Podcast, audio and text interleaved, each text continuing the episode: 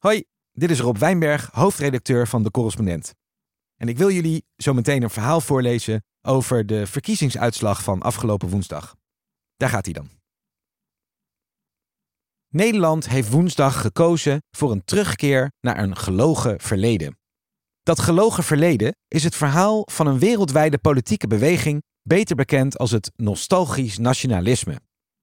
Deze nostalgisch nationalisten, al jaren wereldwijd in opkomst, hebben gemeen dat ze vooruitgang zien als iets dat in de tijd achter ons ligt.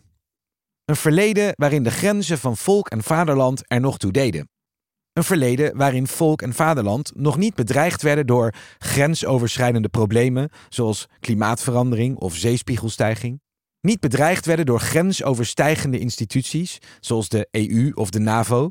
En niet bedreigd werden door grensoverstekende vreemdelingen zoals moslims, asielzoekers of vluchtelingen. Vooruitgang, al dus de nostalgisch nationalisten, is terugkeren naar dat verleden. Het verleden van voor de globalisering, toen buitenlanders nog ver weg woonden, het woningentekort nog geen importproduct was van massa-immigratie en landsgrenzen onze problemen nog buiten de deur hielden.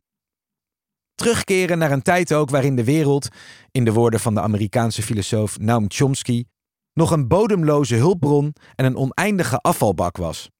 Een tijd waarin het klimaat nog geen crisis en stikstof nog geen probleem was, de bevolking nog autochtoon en de wijk nog homogeen was, barbecuen nog gewoon gezellig en het boerenleven nog romantisch was, het eigen land nog onafhankelijk en de eigen identiteit nog trots was.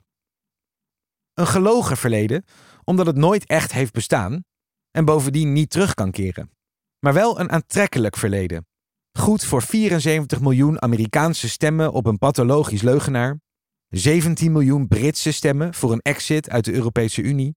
14 miljoen Argentijnse stemmen op een extreemrechtse klimaatontkenner.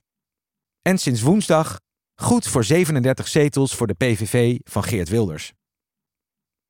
Dat dit nostalgisch nationalistische verhaal zo resoneert, is evenzeer de verdienste van de retorische begaafdheid van zijn bekendste verkondigers, als van de chronische tekortkomingen van zijn prominentste bestrijders. Want al jarenlang leidt de progressieve politiek wereldwijd aan een schreeuwend tekort aan verbeeldingskracht. Overal in het Westen, Nederland niet uitgezonderd, kampt de progressieve politiek, zowel liberaal als sociaal-democratisch, met hetzelfde probleem. Ze heeft geen overtuigend vergezicht dat schetst hoe de wereld fundamenteel beter kan. Tussen de melodietjes van eerlijker delen en biologischer boeren klinkt namelijk voortdurend het refrein van minder, minder, minder.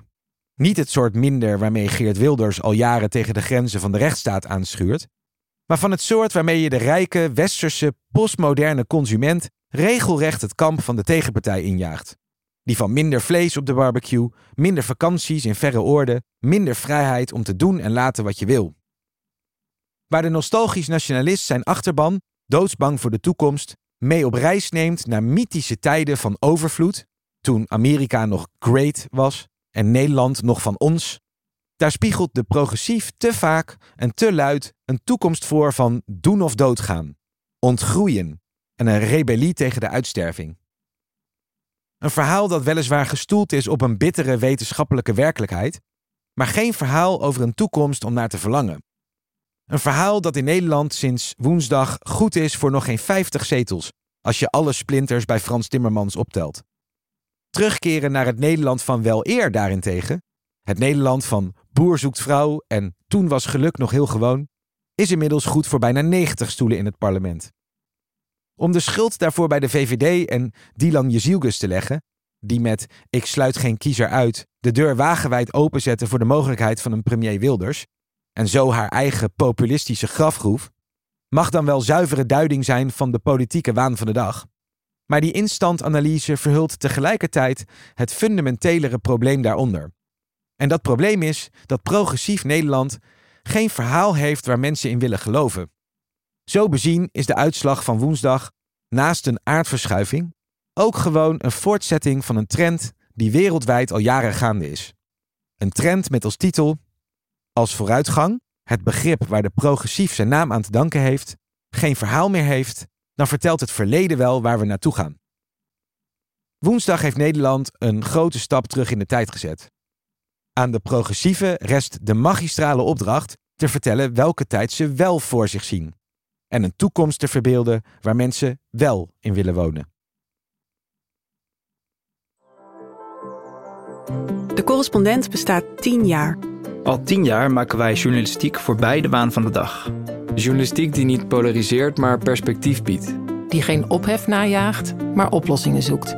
Wist je dat de correspondent 100% door leden wordt gefinancierd? Dat betekent dat we ons werk alleen kunnen doen als luisteraars zoals jij ons steunen. Word vandaag nog lid. En draag bij aan diepgavende, Advertentievrije en onafhankelijke journalistiek. Ga naar decorrespondent.nl en word lid.